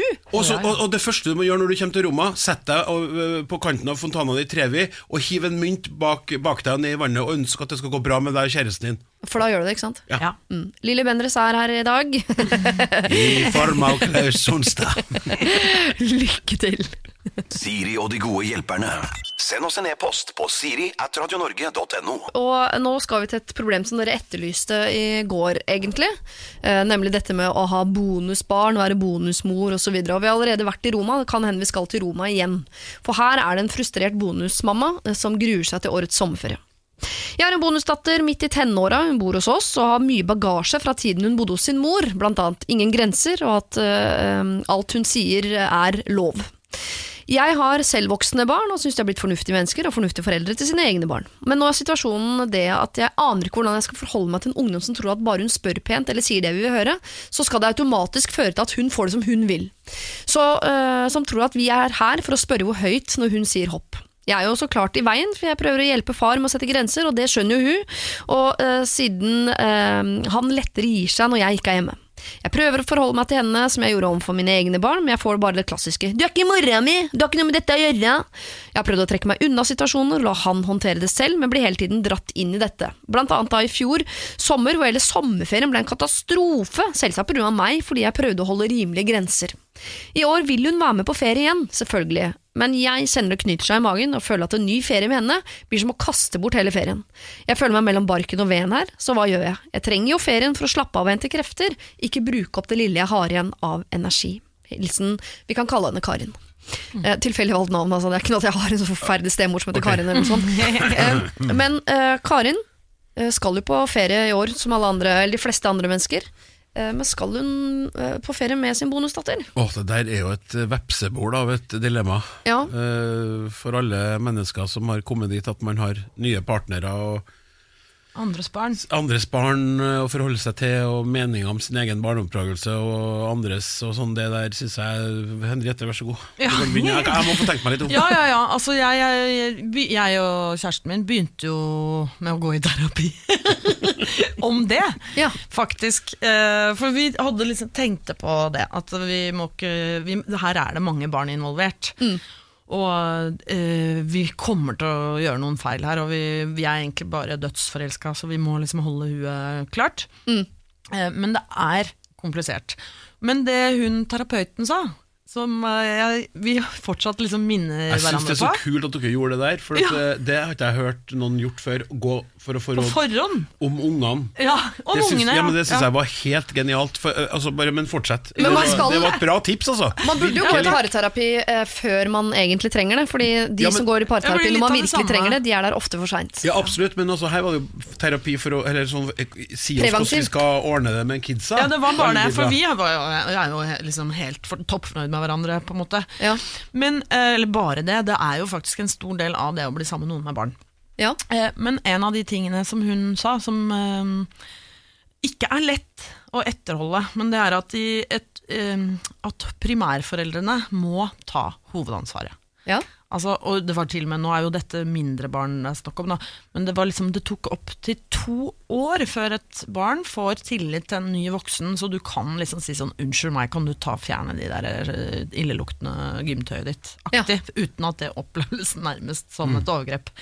Um, men det, det, det som er tricky når man bor sammen, da, Ja. er at du, man får det jo tett på livet. Eh, og man må få lov til å liksom være seg selv og si hva man mener, og, og bes, være med å bestemme hvordan det skal være i huset. Men hvis man liksom selv om far her da obviously både kanskje har bedt om og har lyst til at hun skal eh, mene en del, så kanskje hun skal gjøre det, men litt på sidelinja. At hun er litt tilbaketrukket i forhold til tenåringsdatter. Men at man liksom eh, foran pausen på kvelden kan snakke litt om hvordan håndterer vi, og at det ikke man blir sånn at man sier det man vil at pappaen skal si, men heller sier til pappaen jeg syns kanskje at det er jo du håndterer henne at hun får det litt mye som hun vil. Skulle du vil liksom bø, bø, bø. Når det gjelder sommerferien, som er Ja. et sånn spesifikt spørsmål, så tenker jeg at ø, skilsmissebarn, har jeg skjønt, er det for alltid. Jeg traff et Ja, skilsmissebarn stemmer. i jula på 40, liksom, som var Ja. så glad fordi foreldrene hennes hadde feira jul sammen for første gang Mm. på 100 år. Oi. Og da ble jeg helt sjokka. Bare, Jøss, er det viktig for deg? Jeg var Liksom, alltid lei meg for at mamma og pappa aldri ble venner igjen, for eksempel. Ja. Og det var jo veldig rart at jeg var, for at jeg var jo, ble jo voksen, for nå er de begge borte, men sånt, det var en sånn ting som var sårt. Og de ble jo skilt da jeg var veldig liten. Ja. Så sånn sitter jeg. Ja. Men jeg tror i hvert fall at det her mennesket kan glemme å droppe ferie med den her ungen. Ja, Så du mener at Karin skal dra på ferie med Ja. kjæresten sin og datteren hans? Ja, men jeg, jeg tror det er veldig viktig. Jeg tror, jeg tror at man kunne ha tatt en prat. eh, Og, og, og så man sier du, jeg, jeg syns det er vanskelig med dattera di. Mm. Jeg sliter, jeg blir ikke noen god utgave av meg sjøl. Jeg blander meg for mye opp i det. Man kan gå på seg sjøl istedenfor å si du gjør feil. Så sier man jeg syns at vi to klinsjer, og at vi to ikke har noe god kjemi, altså hun og dattera, da. Ja, ja. Og at jeg trenger at vi snakker om det, eller at jeg får hjelp til at vi kanskje kan gå til noen sånn som dere gjorde, da. Mm. Uh, og, og, og snakke litt om det, for jeg syns det er vanskelig når vi er sammen, for at jeg får ikke til min rolle som som stemor, skråstrek, Bonu- ja. bonusmamma til, din- til dattera di. Jeg, jeg sliter. Må ha en forventningsavklaring før denne ferien. Ja, men, men man kan gå på seg sjøl, for det lurer så Selv om du egentlig har meninger om hvordan din kjæreste eller mann gjør det med sin datter, Ja. så snakker man heller om seg sjøl og, og sier jeg, det er jeg som sliter. Og Ja. det får meg til å føle meg sånn. Ja, det sånn. får meg til å føle meg sånn Og jeg tror jeg gjør en dårlig jobb Og det blir gnisninger Og jeg blir irritert Og jeg sitter og kjenner på det Og jeg har det ikke noe hyggelig Og jeg tror heller ikke hun har det så bra med hvordan jeg er Hva tror du vi skal gjøre? Og så er det vel litt farlig også av henne å legge seg for mye bort i hvordan han gjør ting. Fordi i hvert fall som datter så ville jeg ha reagert på Men du, hei, jeg er veldig glad i pappaen min. Ikke så glad i deg. Mm. Og så kommer du og skal fortelle han hvordan han skal bli mer sånn som deg. Det orker ikke, jeg orker ikke to av deg. Nei. Kan ikke heller du bli mer sånn som han? Jeg, jeg, Ja, jeg, jeg ville vært litt forsiktig Men- med det, men kanskje hun Og kan det er jo barn, men det er også et stort barn. Altså Ja. Det er en tenåring. Så jeg tenker det er ikke helt utenkelig å ta henne inn i diskusjonen. Kanskje snakke litt om sommeren, da. Som Ja, men, er men da mener jeg vi la snakke sammen dem først Og så ta din dattera Ja. Ja. Så dem er litt felles At de står på litt samme plass Men ikke sant? det er vanskelig med tre ukers sommerferie også for folk som har barn felles. Altså Ja. for folk som er gift fortsatt. Ja. Så jeg tenker at det er ikke ikke, vi gjør det sånn i år at vi har faktisk en uke med hver våre barn også, selv om vi egentlig har lyst til å være sammen hele tiden. Ja. Så gjør vi det, fordi barna har veldig, er veldig opptatt av å ha tilgang til egen forelder. Ja. Så mine barn får en hel uke med bare meg, og sånn som det var før i tida. Liksom, og eh, hans sønn også tilsvarende. Det går an å dele opp sommerferien litt også. Kanskje det er, det hadde jeg tenkt å foreslå til Karin, kanskje eh, at eh, far og datter her drar på ferie, og så kommer du etter hvert, og så får dere en uke ferie, men også den uka har han planlagt sånn, vi skal på tre utflukter, jeg og datteren min, hvor du kan gjøre noe andre ting. Men da skal vi også i løpet av det oppholdet her, at vi to skal ha en hyggelig lunsj sammen, vi to, bare de- uten henne-aktig, ikke sant? Ja, Ja. og, og prat sammen om det Ta Ja. det opp og snakk sammen med mannen din Og så eventuelt ta inn tenåringen For en diskusjon om hvordan ting kan være Kanskje ta en liten helg med bare stemor og tenåringsdatter òg. Karin, stemor og Nei, å, sånn ja! Ja, jeg tror jeg mente at eh, Karin og mora og dattera skulle dra på tur. ikke gjør det. Kjempedårlig alternativ. ikke gjør det. Ikke gjør det. Dette er Siri og de gode hjelperne på Radio Norge. Og her er det en som har altså, eh, problemer med sin venninne.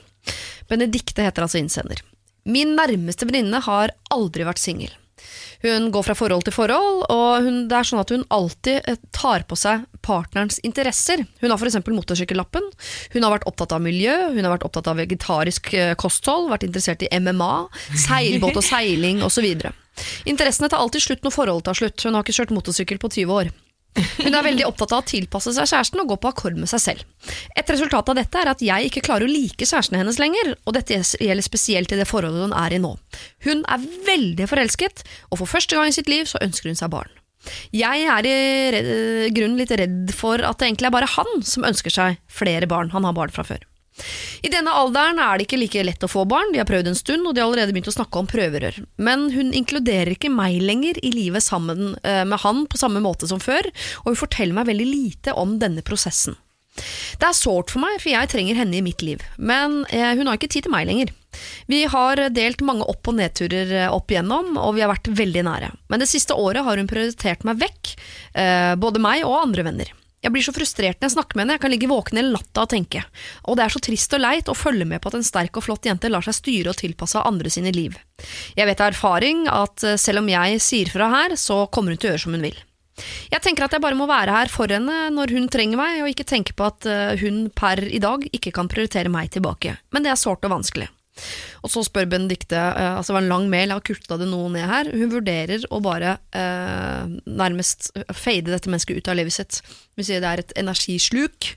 Skal jeg kutte dette mennesket ut av livet mitt, eller ikke? Her, jeg, um, jeg kjenner meg igjen i både den ene og den andre her. Jeg. Ja. Samme her Ja. Altså, for å ta venninne litt i forsvar først, øh, for der kjenner jeg meg litt igjen. Uh, som på en måte, eh, hvis det er lov å si, siden jeg, kjenner meg igjen i det, at det er også en god egenskap å gå inn i en kjærestes interesser. Altså, Ja. Går inn med begge beina. Ja, Ja. altså At jeg nå er medlem av fanklubben til Liverpool er jo ikke, Det var ikke det for to år siden, Nei. på en måte.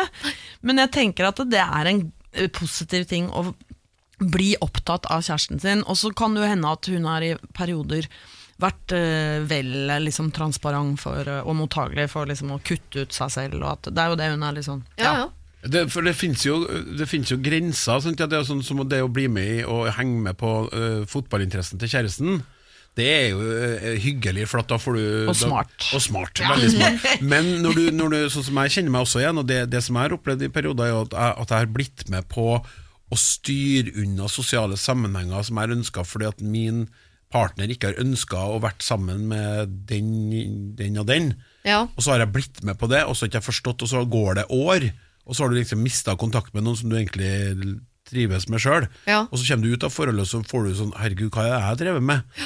Du blir, så når du kommer dit, da er det jo dårlig. Ja, Det er ikke bra, men Ikke her, i hvert fall ut fra hva Benedicte ramser opp, så høres det ut som denne venninnen får ganske sunne interesser ut ifra. Altså, Motorsykkellappen og seiler og MMA og vegetarisk. Altså, det er masse bra ting Det er akkurat egentlig. det, men så virker det samtidig som om hun blir så oppslukt av kjærestene at, at hun mister, eller glemmer venninna litt, Ja. som blir viktig hver gang hun er imellom forhold, eller i hvert fall sånn i, i, i noen faser så er hun viktig igjen, og så blir hun på en måte litt dumpa til fordel for kjærester. Mm. Det er jo det der som er vanskelig. Sånn at Ta vare på vennene sine samtidig som man skal investere tid i et nytt menneske. Det er jo en er krevende balansegang. kjempekrevende. Det er, Ja. nesten, og det er jo litt sånn at man bør prioritere de, de periodene jeg ikke har prioritert kjæresten min, så er det jo fordi jeg ikke er så veldig fornøyd i det forholdet, på en Ja. måte. Ja. Ja, ja. Eh, Men så er det litt todelt det her, fordi dette er tydeligvis eh, en alder hvor det begynner å bli vanskelig å få barn. Og eh, jeg tenker at uh, det er jo en alvorlig ting å prøve å få barn og sånn, og veldig vanskelig for mange. Det er en tidkrevende prosess, og den er veldig uh, intim og personlig. Det er ikke nødvendigvis Og full, full av vonde ting, hvis Ja. det ikke går. Ja. Så det kan jo hende at venninne er i Altså øh, venninne er i per periode som er ganske tøff, fordi man går gjennom masse hormongreier og prøverør og heis og sveis, og det går, og så mister de, også altså det er, Og da er det ikke sikkert at man er så sosial, eller, eller har lyst til å dele det. Involvere for mange i den, Ja, liksom. for det er, det er sårt for folk. Men Um, går det an dere, dere, nå er jo dere altså Jeg tror kompisforhold er ganske likt på mange ting. Jeg føler at det er litt sånn. Men, men venninner eh, har kanskje en annen måte å snakke på. Går det an for den her eh, fortvilte vennen ute, og, og, som vurderer å gi opp hele forholdet, vennskapsforholdet, da, Mm. og, og, og snakke med og si 'jeg har så lyst til å gjøre noe for deg, jeg tenker masse på deg', 'går Mm. det bra med deg?' Og så sant, begynne å snakke igjen, og så kanskje ikke begynne sånn midt oppi det og prøve å få barn og si eh, 'du har ikke plass til meg, ikke titt til meg', men sånn Prøv å nærme seg vedkommende. Prøv å si 'jeg er her', 'går det bra', 'skal vi møtes og ta en kopp te', liksom. Og så skjønner, jeg kan også skjønne det. Skjønner dere hva jeg mener? Altså, Ja. Skal jeg bare gi opp? Hun må jo, skal ikke gi han skjønner, Hvis man blir dumpa av noen, Mm. en venn, uten å forstå hvorfor man blir dumpa Skjønner dere hva jeg Ja, mener? ja, ja. Hun må jo få en sjanse, den her damen som prøver alt nytt med, og nå skal ha barn, til å, til å vise at 'Å, sorry, jeg var ikke klar over at du følte sånn'. og det er jo voksne folk, det her. Ja, det er akkurat det. Eh, Jeg kan skjønne Benedicte veldig godt, for jeg kan eh, mange ganger gjennom mitt liv vært hun venninnen som blir sånn eh, sår på at ikke jeg er viktig nok for andre venner. Når jeg skjønner at å, ja, jeg er ikke, du prioriterer annerledes enn jeg ville gjort, at vennskapet betyr ikke like mye for deg som for meg. og sånn. Samtidig som jeg vet jo at jeg ville alltid valgt kjærligheten foran vennskap. Og hvis jeg hadde vært sammen med en mann hvor vi gikk gjennom en tøff prosess, prøverør, hormonbehandlinger, bla, vi prøvde å få barn, og så hadde jeg en venninne på sida der som i utgangspunktet ikke likte typen min, og som var litt sår for at jeg ikke prioriterte henne midt oppi det hele, så har jeg tenkt sånn Nå er du, ikke, nå er du et, øh, noe vanskelig i livet mitt plutselig, da må du bort. Så jeg, det skal, man skal være litt forsiktig også, tenker jeg med en dikt at, øh, at hvis hun allerede er på et sted som er litt vanskelig, ja. og Ja, hun det- søker mot vannen sin, så er det plutselig ikke du som bortprioriterer henne, men det er hun som bortprioriterer deg. Og hun, Ja. hun, eh, altså, Benedicte har jo lyst til å være venner. Ja. Så jeg tror det beste Benedicte kan gjøre, er å være en ressurs i livet til venninna. helt enig, og det er ment. Og så meld sånn Vet hva du står i, er det jeg kan gjøre for deg, har du tid til å møtes, vil gjerne ta en prat. Hvis du trenger det, si fra. At man er litt der på tilbudssida istedenfor å gå i, i sånn fornærma-hjørnet og stå der, Ja. rett og slett. Og så tenker vi er tilbake på en ting vi har snakket om mange ganger i dag i forhold til ferier og i det hele tatt, en forventningsavklaring som du må ta med deg selv. Da må du tenke at dette er en venninne som, eh, som er i livet mitt, men hvis jeg trenger noe, så er det antageligvis ikke henne jeg skal gå til. Det må du bare finne i et annet vennskap. Akkurat Så jeg syns du øh, egentlig skriver din egen konklusjon. Jeg tenker at jeg bare må være her for henne når hun trenger meg, og ikke tenke på at hun per i dag ikke kan prioritere meg. Men det er sårt og vanskelig. Ja, det er det. Det er sårt og vanskelig, men det høres ut som det er akkurat sånn det må være akkurat nå. Radio Norge. Vi skal til eh, helgens siste problem her i Siri og de gode hjelperne, som denne helgen da består av Klaus Sonstad og Henriette Stensrup. Hei, hei. Trude her! Jeg har kommet opp i en veldig vanskelig situasjon. For noen måneder siden ble det slutt med eksen min Knut, og jeg ble forelska i bestevennen hans. Problemet er at Knut fortsatt er kjempeforelska i meg. Bestevennen hans har etter hvert begynt å komme litt på glid, og vi har ligget sammen én gang, men problemet er at han overhodet ikke vil fortelle noe til noen eller ha noe forhold. Men det egentlig eh, største problemet er noe annet. Fordi når jeg skulle fortelle min bestevenninne at jeg endelig hadde ligget med denne gutten, eh, han jeg forelsket i, så forteller hun meg at hun har følelser for meg. Vi har masse What? planer framover og skal flytte sammen til et øde sted langt fra alle vi kjenner til høsten for å begynne å jobbe, og jeg har overhodet ikke følelser for henne. Og jeg føler ikke at jeg kan snakke med henne om sånne ting lenger. Før var vi så gode venner at vi gjorde absolutt alt sammen. Altså Vi lå i samme seng, vi dusja sammen. Det føles nå veldig merkelig, og jeg vet overhodet ikke hvordan jeg skal forholde meg til henne. Så hva gjør jeg? Hilsen fortvilet jente 25 som kom opp i en forvirrende kjærlighetsfirkant på Valentine's Day. Da må jeg bare få si først at den er, er egentlig så, så, så alle de her eh, Knut og tjo og hei ble jo litt Det er jo egentlig det siste her, er jo et Ja. eget dilemma. Da kan vi ikke Altså, begynne to- med det, så får vi se om vi rekker en runde på Knut og kompisen. Ja, det er akkurat Ja. det. Det syns jeg også.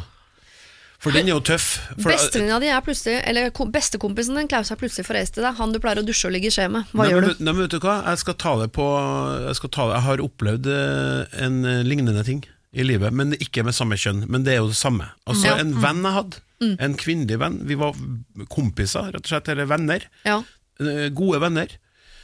Var og besøkte henne på en måte der jeg bodde og jobba, og sånn, og så var det en gang jeg var på en festival, og vi møttes, og så eh, drakk vi og flira og tulla, og så plutselig så um, åpna hun seg. eh, litt sånn Ble amorøs. Ble amorøs. Er det Elskås Furuseth? Det er ikke Elskås. Ja. La oss Det kalle Det var så gøy. Det hadde vært veldig artig, men, nei, men, men, men det var det ikke. Og, og, og, men da Det fiksa jeg ikke. Nei. Og etter det så hadde vi ikke Nå har vi sporadisk sånn hei på Facebook en sjelden gang, men det ble kjempevanskelig. Det er rart at alt det der skal bli vanskelig. Det Ja. gjør det jo hver gang. Man, de fleste, eller mange har i hvert fall opplevd at en du tror er kompis, eh, er forelsket, og så plutselig blir alt ekkelt. Selv om det er jo egentlig bare et kompliment, men man, hvorfor Men- blir det så ekkelt? Og det er trist, for det er ikke så rart at folk vegrer seg for å være ærlige om følelsene sine når det er sånne historier som eh, florerer. På Nei, det er mange som spør om det er forelska i vennen min, men jeg er redd for å vise miste si vennen min. Skal jeg si noe? Her er jo svaret åpenbart ofte nei, da. Ja, altså, jeg vet ikke. Jeg, jeg, jeg tenkte på etterpå, hvorfor takla jeg det så dårlig? Eh, Ja. Hvorfor ble det så vanskelig? Har du noen, funnet noen svar? Ja, jeg tror at det handler om at balansen for- forrykkes. Eh, Det du har eh, blir altså Når noen har Noe følelser for deg du ikke kan gjengjelde dem, det blir vanskelig å se. Der var det også at vi var altså jente-gutt, kanskje sånn, men jeg har også en gang for mange, mange, mange, mange, mange år siden, da jeg var 20 eller noe sånt, så hadde jeg sex med ei som var venninna mi. Ja. Vi Etterpå gikk ikke. Ødelagt. Det er ødelagt. Det er noe som skjer. Det er noen som får til det greiene der, men det er, ja, det er spesielle. De har et eller annet gen. det er et annet gen. Men uh, hun har jo vært veldig modig og sagt fram dette til bestevenninna si. Ja. Hun som er forelska.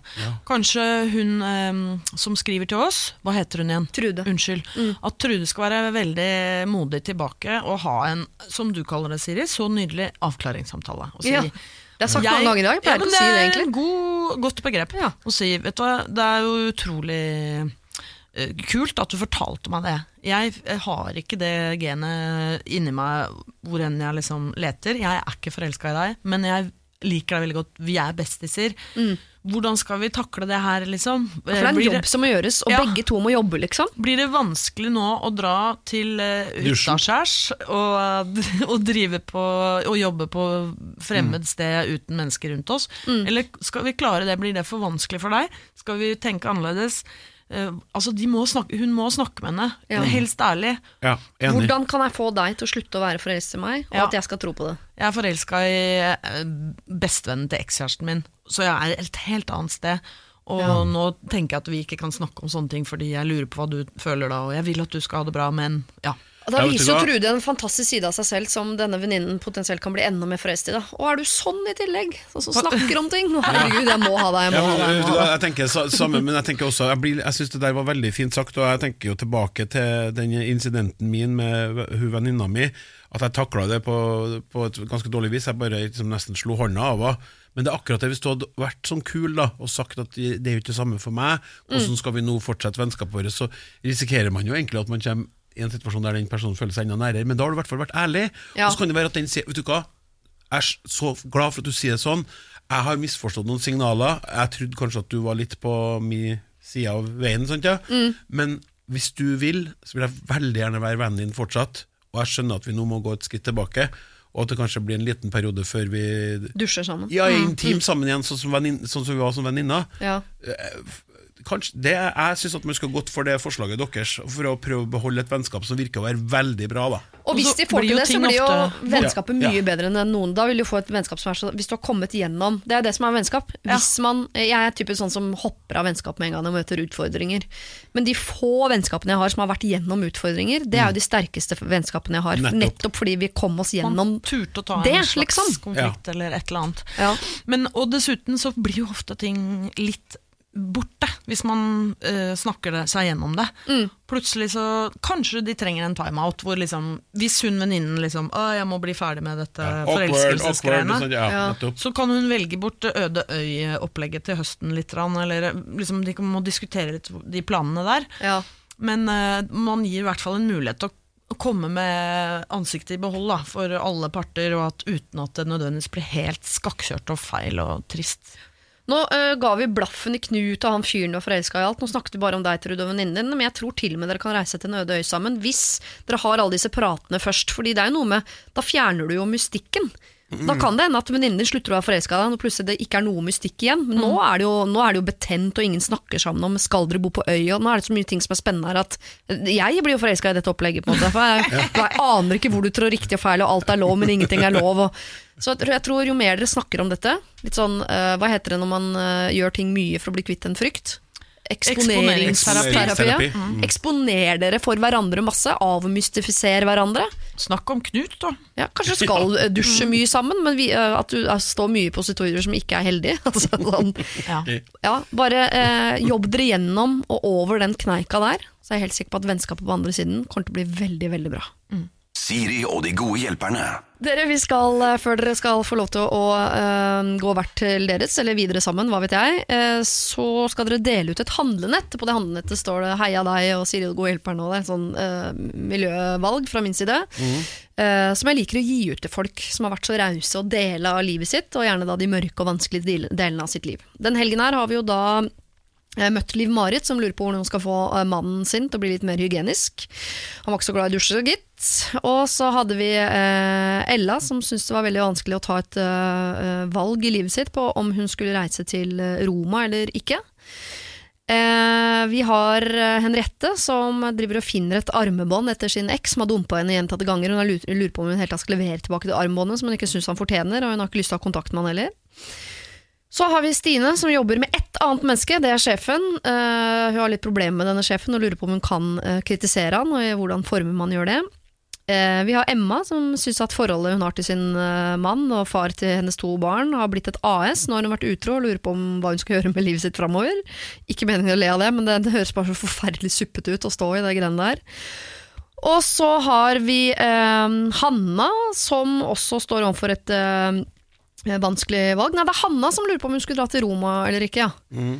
Hva var det Ella sleit med da? Skal vi se Uproft? Det er litt uproft. Nei, men det er Emma, Ella, Ebba. Det er mange navn Ja. som også Ja, ja. Nei, eh, altså, Ella lurte på om hun skulle eh, si ja til denne drømmejobben, vet dere. Ja. Eh, eh, som hun visste at hun kom til å slutte i allikevel, For for hun skulle jo snart dra til utlandet. Det var to sånne utenlandsgreier, var det, vet du. Ja, vi har tatt to vanskelige valg denne helgen, og begge kan potensielt være feil. Kan ha ødelagt to liv. Ja, jeg har bestemt meg for lengst, så du må bare lese gjennom ferdig. Ja, okay, ja. ja, Da skal jeg rushe gjennom eh, resten her. Eh, vi har jo da også eh, Karin, som er bonusmamma og har ikke lyst til å dra på ferie med bonusdattera. Eh, Benedikte, som har en venninne som forsvinner inn i kjærligheten hele tiden. En av Benedikte trenger nå venninnen sin. Og til slutt Trude som, Trude som havna i denne kjærlighetsfirkanten med noen ekser og noen bestevenner og en venninne som plutselig er forelska i det hele tatt. Ja. Ja, du Ja, altså, jeg, jeg, det, er jo, det er nok eh, mye grunner det, der jeg står sjøl i livet, men jeg ønsker jo å gi, gi den her lille gaven til det paret som er et AS, og som uh, leter etter flammen, eller ikke kanskje har mista flammen. Ja. Jeg heier jo på Jeg skulle ønske at livet hadde vært sånn at jeg ikke hadde skilt meg. Jeg er veldig glad for alt det har gitt meg med to, eller to runder med barn, tre barn med to forskjellige damer, og nå har jeg funnet det jeg tror blir min livs kjærlighet. Ja.